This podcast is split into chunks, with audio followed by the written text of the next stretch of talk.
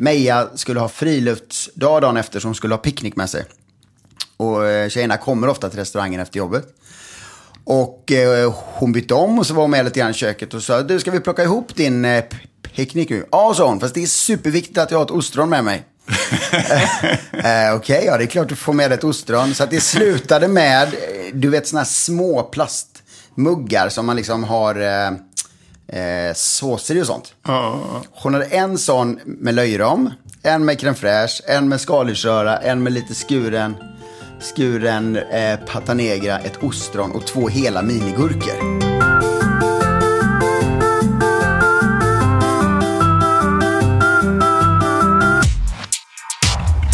Då säger jag välkommen till krogguiden Carl Jung. Tack så jättemycket. Carl Jung, 44 år. Eh, har en sambo som heter Sabina och eh, två barn, två tjejer som är 10 och 11 år. Jag är krögare på restaurang Hillenberg. Vad är din senaste upptäckt inom matlagning? Vi var i Grekland förra veckan. vi gör lite sådana här resor där vi kombinerar spela golf och eh, laga mat och smaka vin och sånt. Och det var nog egentligen de otroliga varianterna det finns på fetaost. Häftigt. Mm, verkligen. Vad blir det för mat hemma hos dig? Du, du, som sagt, du har ju två döttrar, inte riktigt tonåren här, men, men, snart. Men, mm. men vad, vad, blir det för mat? Ja, men vi lagar nog, eh, min svärfamilj är italiensk, så att vi lagar ganska mycket eh, hela rätter. Det blir ganska mycket sharing och den typen av mat. Alltså en kastrull mitt på bordet. Med härliga grejer. Och det kan vara både kyckling och kött och fisk och så. Men vi tycker om att dela och ja. Mm. Mycket långkok. Mycket långkok? Ja, men mycket så här. Och då menar jag inte de här mörka, tunga långkoken alltid. Utan det kan vara kyckling i vitt vin eller så. Men alltså just att det får gå ganska länge och brisera och bli härligt. Ja, det är gott. Ser du dina tjejer då, Alva och Meja, ser du liksom att, eh, har de liksom tagit efter dig på något sätt? Är de sugna på att laga mat eller är det tvärtom? Jag kan, jag kan berätta en liten anekdot från igår senast. Meja skulle ha friluftsdag dagen efter, så hon skulle ha picknick med sig. Och eh, tjejerna kommer ofta till restaurangen efter jobbet. Och eh, hon bytte om och så var hon med lite grann i köket och sa, du ska vi plocka ihop din eh, picknick nu? Ja, sa hon, fast det är superviktigt att jag har ett ostron med mig. eh, Okej, okay, ja det är klart du får med ett ostron. Så att det slutade med, du vet sådana här små plastmuggar som man liksom har eh, eh, såser i och sånt. Hon hade en sån med löjrom, en med crème fraîche, en med skaldjursröra, en med lite skuren, skuren eh, pata negra, ett ostron och två hela minigurkor. Det var liksom hennes picknick. Så att, ja, hon är ganska Um, och likadant när hon fyllde år förra året så sa hon, du får laga vad du vill pappa så länge det är löjrom till förrätt och ostron. Så att hon är väldigt så här, eh, gillar protein och gillar när det smakar mycket och tycker det är jättespännande. Medan min eh, ett år äldre tjej, hon har hela den här italienska ordern. Allt som är bröd, pasta, eh, friterat, eh, det är det bästa som finns. Hon är inte alls lika. Så, så det är superintressant min svärfar är ju italienare och matlagare också. Så de är verkligen uppväxta med mat och, och restaurangmiljö och, och, även hemma den typen av mat. Och ändå blir de så otroligt olika i sin smakpreferens. Eh, eh, jag har själv två barn och, och, det är samma sak för mig att det blir väldigt olika och man fattar ja. inte varför. Men, men, så verkar det vara. Hur känns det liksom med, med att vara krögare och många järn i elden? Är det liksom svårt att hinna med sin familj eller, eller är det upp till dig att styra upp allt? Eller vad? Finns det något enkelt svar? Ska man vara ärlig så får man ju ta från, ifrån sina egna intressen. Liksom. Och, eh, så att mitt jobb är ju arbetet och familjen. Det är, men att försöka få ihop dem lite. För mig är det jätteviktigt att familjen är mycket på restaurangen. Dels för att de förstår vad man gör. Och dels eh, spendera tid med dem. Och sen tror jag att det är en fantastisk miljö för, för barn idag. Att umgås med andra vuxna och lära sig lite ordning och reda. Och det tror jag är jättebra. Men eh, Eh, nej, det är klart. Du är tvungen att ha en väldigt eh, förstående sambo. En väldigt eh, öppen di dialog där man liksom inte skyller på varandra för att det blir väldigt mycket rankårs. Vi planerar ju aldrig två månader innan att vi ska hem till någon en fredag. Utan det är där, så att alla i vårt umgänge i stort sett är sådana som bestämmer på onsdag vad de ska göra på fredag. Och då funkar det jättebra. Utanför eh, restaurang och, och mat. Mm. Eh, jag läste att du tycker om, du är singelhandikappad i golf. Ja, så ja. det blir, eh, jag antar ja. att det blir, för att underhålla det så måste det bli en del golfresor. Ja, nej men spelade mycket, mycket golf som liten. Mm. Och sen så låg det nästan på hyllan då under alla småbarnsåren i stort sett. Alltså man spelade en runda sådär. Mm. Men nu när tjejerna blev lite större och de skulle börja slå sådär också tyckte jag. Då fick jag för mig att jag skulle ändra allting. och göra om hela svingen och så vidare. Så började jag med det och det var ju spännande. Så att det blir lite så här eh, meditation nästan. Man åker ut till någon driving ranch och står och slår några hundra bollar och liksom tänker på ingenting annat en stund. Men är det lite i golfen, är det en meditation från maten lite Eller från restaurangen? Ja, och... ja, ja, det är det. Och framför allt komma ut lite. Mm. Alltså, jag bor vid Oxtorget och jobbar på Stureplan. Så att det är ju så här, eh, jag menar, har jag tur ser jag ett träd i Humlegården när jag liksom svänger förbi. Så att för mig är det jätteviktigt att komma ut. Och det är också en del av det här med jakten på vintern och eh, golfen på sommaren. Det är otroligt viktigt. Mm. Vad heter Du kanske får dra storyn eh, många gånger förut. Men, men jag läste också om en deal med din fru där när det gäller, du vill ju få få henne att börja spela golf? Jaha, ja det... Det är precis. Nej, men min fru läste någon sommarkurs tror jag på universitetet. Eh, årets Nobelpristagare i litteratur som då var Vargas. Och är det fyra, fem år sedan. Och då var det för varje eh, timme tror jag som jag läste så skulle hon träna en timme golf. Eller det var något liknande mm. åt eh, det hållet. Och jag läste ju, ja inte alla Vargas böcker men i alla fall fyra eller fem av dem tror jag. Mm. Och det hade ju inneburit då att hon skulle träna ja, men ungefär 100 timmar golf då eller något liknande. Det har inte rikt, vi är inte riktigt där än kan jag säga. Men hon, hon har varit med några gånger. Okay. Eh, och hon blir väl mer och mer inspirerad eftersom, eftersom våra småtjejer tycker att det är rätt kul. Ah, ja, det kommer, kommer, ja, ja. kommer hon, det går ja. rätt snabbt att komma upp i 100 timmar sen. När ja. väl har... ja, men exakt så. Nej, men, och det går rätt snabbt att läsa 100 timmar också ifall man liksom så. Ja. ja. Nej, men eh, så, sådana små dealer kan man ju göra. Det är också kul om de infrias. Ja. Från bägge håll. Ver verkligen. Din bästa middagslösning om maten måste stå på bordet hemma på 20 minuter. Vad hittar du på då? På 20 minuter? Ja. Um, då serverar jag eh, ugnsstekt lax, en hel bit. Och så serverar jag gnocchi till. Eh, och pesto gnocchi tror jag.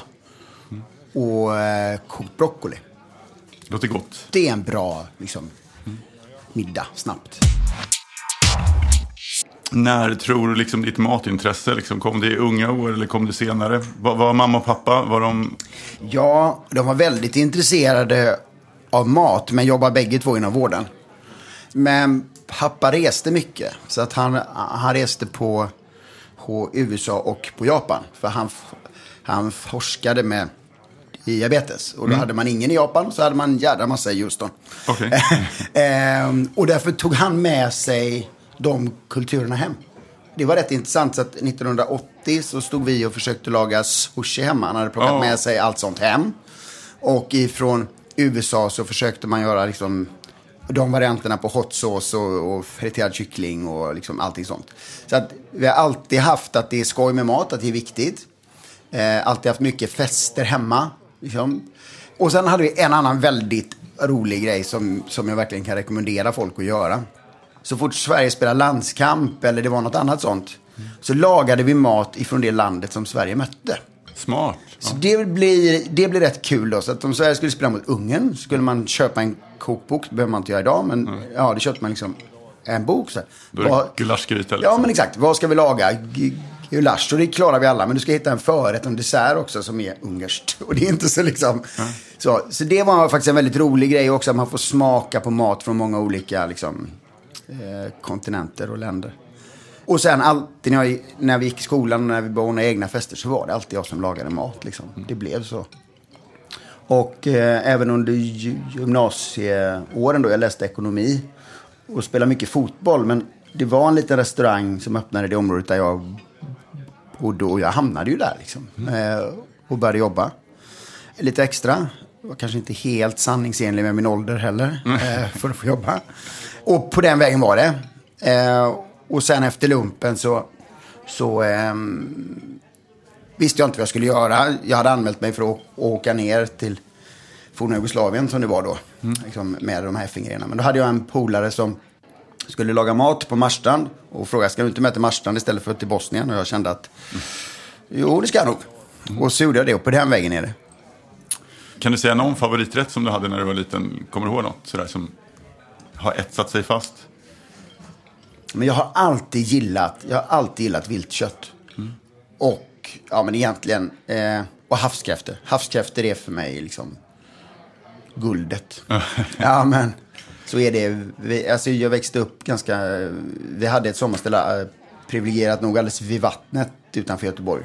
Så att vi fiskade mycket själva och vi hade alltid ålrysseri och sådär. Så att det blev väldigt mycket sånt. Småkrabbor och, nej men härligt. Men, men skulle du kunna säga, vad var det viktigaste som gjorde att du hamnade på, på liksom matlagningsspåret? Var det, var det dina pappas resor eller var det eh, andra? Nej men, nej, men intresset, eh, jag vet varför jag hamnade i ett kök tror jag. Mm. Och det behöver inte nödvändigtvis ha bara med maten att göra. Utan jag älskar lagsport. Jag har alltid älskat fotboll. Spela liksom aktivt. Jag eh, tyckte det var kul att göra lumpen. Mm. eh, och jobba i ett kök är ju liksom... Eh, det är ju ett lag. Du är en sann teamplayer. Liksom. Ja, men jag tycker om att bygga lag och jag tycker om att få folk att jobba tillsammans. Och ett kök eller en hel restaurang är ju absolut inte bättre än vad den som är sämst. Mm. Så att det gäller ju att alla stöttar alla. Eh, vi, vi har ju match varje lunch och varje kväll. Mm. Det gör ju att man älskar det här jobbet. Det är på och det är av. Alltså när du startar det, det blir ju aldrig en... För mig blir det det, men för en som arbetar i köket enbart så blir det ju inte... Det blir ingenting kvar efter dagen liksom. Det blir ingen hög, hög kvar på skrivbordet som du ska lämna. Man går in och gör service och sen så... Du går in och kör din grej och du kör ihop med ditt lag och antingen har det gått jättebra eller så har det inte gått så bra. Men nästa dag är en helt ny dag och du börjar om från scratch och det har jag alltid tyckt om. Sen är det jättekul med smak och mat och eh, just smak handlar ju lite om att man har en fallenhet för det också. Eh, och jag tror jag har ganska lätt för smak, vilket är jätteroligt. Tystnad, eh, tagning! Varsågod. Varje månad behövs tusentals statister. Statist.se har uppdrag till dig som vill vara statist, skådespelare, modell eller tv-publik. Hitta ett roligare jobb redan idag på statist.se. Tack så mycket. Där satt den. Det var en intervju i Svenska Dagbladet där de pratade med jag tror det var en intervju med dig, men, men de pratade, okay. citerade eh, Johan von Holstein. Mm. Som sa att jag älskar Stureplan, det är världen, en världsunik yes. plats. Kommer du ihåg den? Ja. Eh, man kan äta frukost, lunch, middag, gå på nattklubb. Det här var några år sedan så att mm. det kanske inte låter lika märkvärdigt idag. Alla startups finns yes. där. Eh, jag har bott utomlands i 28 år och startat mm. företag i 26 länder. Ingen annanstans finns det samma koncentration. Ja, men för mig är det ju fantastiskt att få jobba med restauranger i den miljön med allt det som Johan säger där. Mm. Ja, det är lite lustigt att du tar upp honom. Jag stod och pratade med honom för ja, är det en vecka sedan ungefär. Mm. Han var inne på restaurangen och så stod vi just och pratade om... För vi, vi håller på att skruva lite på menyn och vad är det man egentligen vill ha när man äter ute alla dagar i veckan och sådär. För en sån som Johan, han äter ju ute fyra till sju dagar i veckan. Ja. Och vad vill man ha då? Vad, vad, eh, vart är trenden på väg liksom, i ätandet överlag. Vad, vad vill han ha? Nej, men, och såna, jo, jo, jo, men det, det kan jag absolut svara på. Nej, men ja. sådana här personer som reser också så otroligt mycket, de är ju eh, fantastiskt viktiga, viktiga för mig att ha möjlighet att prata med. Man sparar ju rätt många hundra mils resande genom att prata med en person.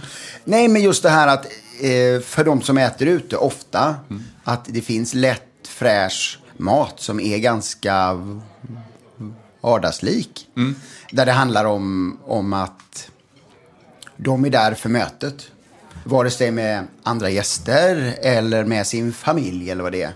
Men inte alltid att man vill äta liksom, tre rätter och inte alltid att man vill ha jättestabbig mat. Liksom. Alltså, lättfräscht, en hel del åt i råa hållet. Och också att man har alternativ där man har en huvudingrediens på tallriken och sen får man välja vad man vill ha till. Liksom. Alltså, en bit med fisk säger vi, men att du kan välja hur mycket sås du vill ha och så vidare.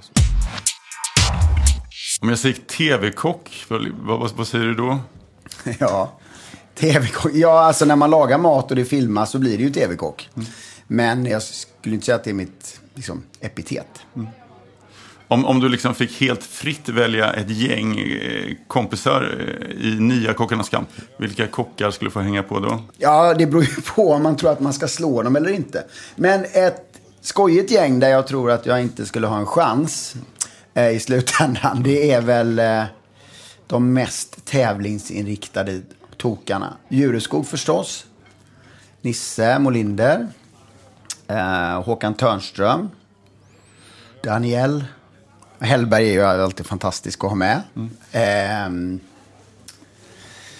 Carina Bryding kanske. Ja. Ja, ja. Det låter som ett roligt gäng. Ja. Se om någon nappar. Stökiga kvällar och eh, skojiga tävlingar. Ja. ja. Hur, eh, hur var liksom inspelningarna? Liksom? Var, eh, jag antar att liksom när du gick in i dem så visste du inte så mycket hur det skulle kännas. Men liksom när du kom ut efteråt, var, vad, vad, vad, kände du? Liksom? Nej, men jag har väl sagt att det är det absolut roligaste jag har gjort och det absolut jobbigaste jag har gjort. Och ofta kan de hänga ihop faktiskt. Mm. För mig i alla fall. Nej, men vi var ju på den här gården egentligen mer eller mindre tre, tre veckor i rad. Och man var hemma någon dag bara. Oj, oj, oj. Ja. Eh, han bor ju där också. Mm. Och det är ganska lyhört och det är väldigt så här, de, de väcker, eller ja, man går upp och de filmar ju ifrån att man vaknar till att man går och lägger sig egentligen.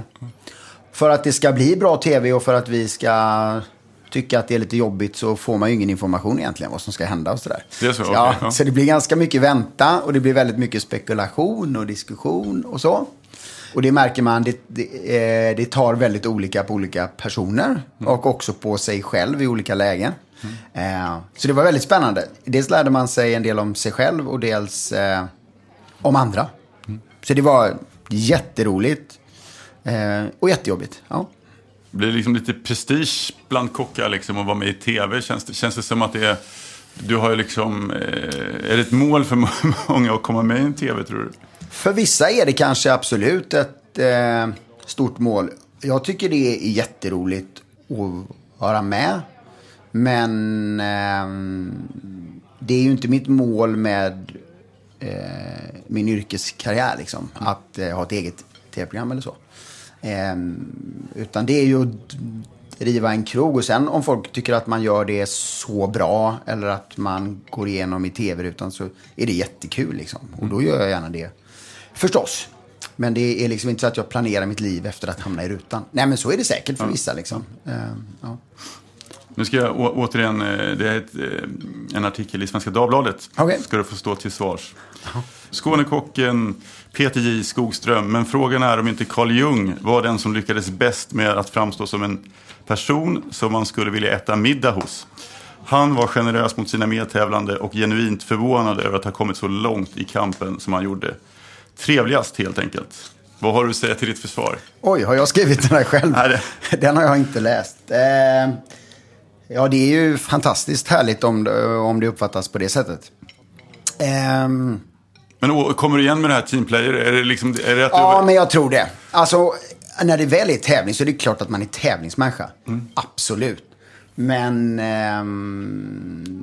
Du, man kan säga ja, blir... nej, men jag tror jag försöker vara en trevlig person. Liksom. Mm. Och det kan ibland vara så att man är för snäll. Och det hör jag ju liksom, mm. återkommande. Att man är eh, för snäll. Så jag måste omge mig med några som inte är alldeles för snälla också. Du blev trea. Eh, alltså, ja, du, du och Nils, liksom, eh, ja. skrattar ni åt det där fortfarande? Eller ja, såsduellen? Ja, absolut. Det är ju liksom, vi är fortfarande väldigt goda vänner. Så att, eh, eh ja, du märkte, han ringde ju precis alldeles innan här. Ja, att, nej, men det, är, det är vi absolut. Och för mig så... Eh, jag hade aldrig slått Peter i den där finalen heller. Han var så extremt extremt bra och förberedd så det hade inte gått ändå. Så det var kanske lika bra. Varför tror du mat har blivit så viktigt för oss? Liksom både i hemmet och kanske även och, och på krogen? Ja, men jag tror framför allt så tror jag att dels är det viktigt med mat, men jag tror också att mötet är otroligt viktigt idag. Jag tror att eh, folk sitter mer och mer på sitt arbete, man är mer och mer i sig själv, man är mer och mer på sociala medier eller vad man nu är. Man möter mindre och mindre folk fysiskt, känns det som. Eh, jag tror att folk vill gå på krogen för att umgås med de som de har valt att komma dit med, vare sig det ja, men affärer eller nöje. Jag tycker man märker det att det är, det är viktigt att ha liksom samtalsvänliga bord och så vidare. Mm. Um, I det blir förstås maten viktig, men jag tror inte att det ska vara komplicerat att gå på restaurang. Liksom. Det finns ju olika typer av restauranger. Jag brukar säga liksom, eh, det finns restauranger som är som att gå på en teaterföreställning. Mm. Och, det, och, det, finns massor i Stockholm. Kanske finns 20 stycken säger vi. Mm. Och dit går du för att bli förvånad, hänförd. Eh, du vill lära dig något nytt, du vill se något nytt, du är så. Och dit går du en gång. Är du supernöjd liksom, tycker att den här föreställningen vill jag se om. Mm. Ett halvår senare kanske. Mm. Um, och sen kanske den går i repris om två år. För, ja, men du förstår vad jag menar. Mm. Alltså, alltså, den typen av restaurang finns ju. Mm. Uh, och är fantastiskt. Men vi är inte den typen av restaurang. Mm. Vi vill ju vara en restaurang där man känner att ah, hit kan jag komma tillbaka ofta. Här kan jag komma och äta en rätt i baren. Eller jag kan komma ett stort gäng. Och då måste man känna sig trygg och stabil och lugn i det som presenteras. Mm. Inte att en recensent ska tycka att det är det mest spännande som har hänt dem. Det kommer inte vara Hillenberg som, mm. som presenterar det. Utan vi ska presentera, tycker jag, ja, men, stabil, fräsch, bra mat. Liksom. Men ser du den här trenden som, som har funnits länge, eller jag vet inte om det är en trend längre, men ja. just att man vill äta, man tittar lite vad är protein, vad är kolhydrater? Ja, och vi har ju alla typer av gäster. Vi har ju också som kommer att fira när någon fyller 50. Mm. Och då är det ju skitsamma. Alltså, nej, men, nej, jag förstår. Ja. ja, men då ska det nästan vara åt andra hållet. Mycket såser och gott. Ja, och, men ja. härligt liksom. Ja. ja. jag är på restaurang nu och jag har köpt en fin flaska vin. Det är klart jag vill ha liksom en fet god sås till det här. Så. Mm. Men absolut, vi har ju en väldigt stark och viktig målgrupp som växer hela tiden. Framförallt har vi ju folk som säger, nej på måndag, tisdag äter jag bara grönsaker. Mm. Och sen på onsdag, torsdag äter jag fisk och kyckling, men på fredag, då tar jag en biff. Alltså, ja. den finns också. Så att, um, mm. Jag såg en kritikerrosad film häromdagen. Eh, Vad döljer du för mig? En italiensk film. Har du hört talas om den? Nej. Här ska man ha en trevlig kvällsmiddag med mycket vin. Och jag kan avslöja att det är en fantastisk film och den handlar om något så laddat som mobiltelefoner. Bra. Ja. Vad säger du, har det, liksom, eh, har det gått överstyr här med mobiltelefoner och Instagram och fotografering? Och... Någonstans känner jag faktiskt att det har lugnat sig lite. Mm. Jag känner att väldigt många tar en bild, vare sig på sina vänner eller på tallriken eller vad det nu än är. Mm. Men sen så tycker jag vi ser att telefonerna försvinner sen. Alltså man stoppar ner dem eller man vänder på dem. Det är mycket mer så idag. Mm. För några år sedan och satt ju alla i sina telefoner. Mm. Så att säga, genom hela middagen. Mm. Jag var inne på att vi skulle erbjuda någon variant på låda man kunde lägga ner dem i. Eller, jo, men alltså någonting ja. sånt. Alltså erbjuda, inte tvinga. Mm. För det kan ju sällskapet välja liksom. Men jag tycker någonstans att det är på väg åt, åt rätt håll liksom. Du tycker om att jaga. Mm. Hur återspeglas det liksom i, på krogen och i maten? Och, och... Jo, nej, men när jag var liten så handlade allting om fiske ju. Och sen har det då gått över de sista ja, sex, sju åren till skog då. Och eh, det återspeglas ju så att vi alltid försöker ha, ha vilt som är i säsong. Mm. Hösten och våren så har vi ju alltid några rätter eller någon extra rätt eller något extra erbjudande och så vidare. Men framför allt återspeglar det sig nog i köket hos eh, kockarna tror jag. Vi hade med liksom hela köket eh, ut till en, ett ställe här där de fick vara med och stycka ner om det var åtta eller tio hjortar hela vägen. Liksom. Mm. Och just att man verkligen får förståelse för att alla djur ser inte likadana ut. Mm. eh, ja, det blir olika stora innanlår, ytterlår. Alltså, eh, ja, det kan vara någon skottskada på någonting. Mm. Eh, man måste liksom lära sig att... Och vilket jobb det är hela vägen. Så att man, när man styckar eller när man steker eller vad det nu än är, att man verkligen har respekt för hela vägen. Och det känner jag att vi verkligen har fått till. Större respekt för råvaran. Mm. Och det spelar ingen roll egentligen om det är liksom ett vilt eller en grönsak. Men det blir ännu mer när det är stora levande djur. Liksom. Mm. Men ser du, liksom, det låter kanske tråkigt, men, men trender alltså inom kött och mat och grönsaker? Allt ja, nej, men jag tror, jag tror och hoppas att vi kommer få en viltproduktion i, i Sverige som... Det är fortfarande ganska eh, svårt att få tag på en del vilt. Mm. Du måste direkt köpa, du kanske behöver köpa av flera olika. Eh, vilket i och för sig är skoj. Har du en liten restaurang så är det ju enkelt. Liksom. Men, om du, men om du ska ha mycket över en hel meny, vi säger en hel höst att du ska ha gjort på menyn. Det är ju många, många hundra kilo av varje styckningsdetalj.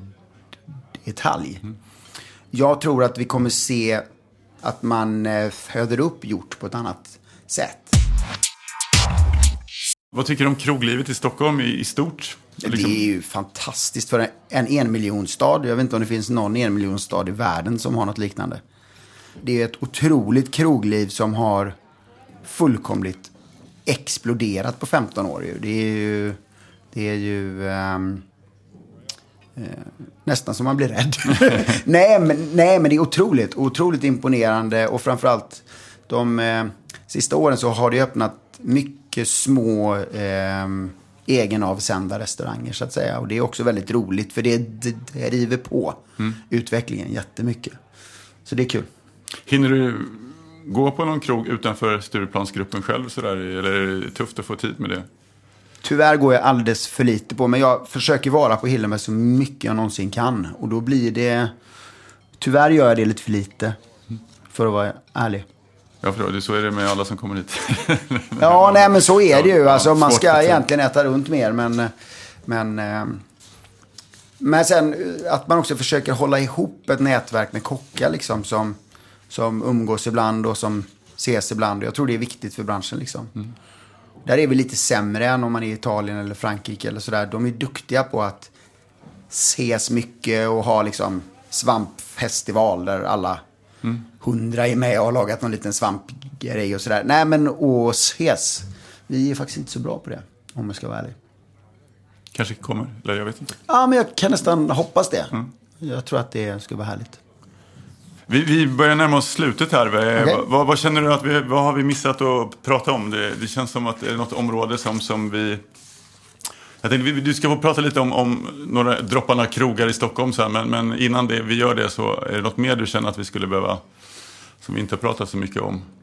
Nej, men det är ju ett jättestort ämne, men, men eh, jag brinner ju väldigt mycket för vin också och för den, för den sidan av det liksom. Och eh, hur, hur man försöker jobba med vin och försöka skapa den bästa upplevelsen som det går för våra gäster. Då.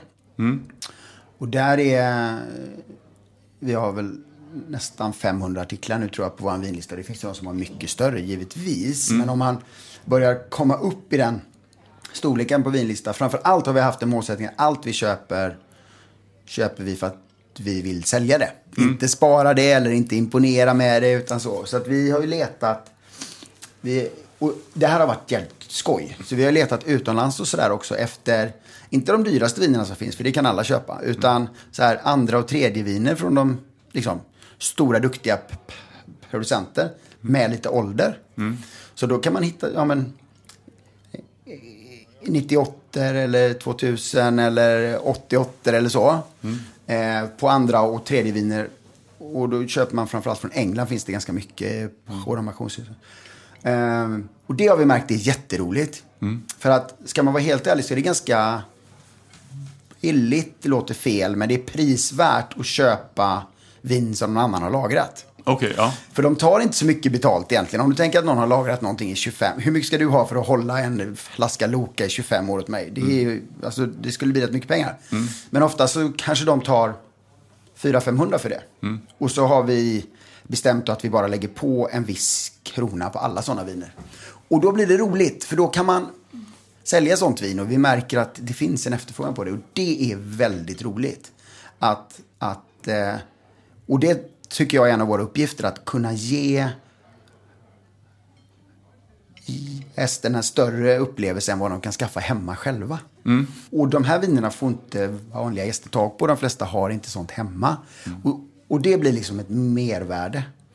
Eh, som är skitkul. Och det är ju eh, Klara då som är, är, som är hos mig. Hon är skitduktig. Så det är jätteroligt. Det är ett skojigt arbete liksom. Mm.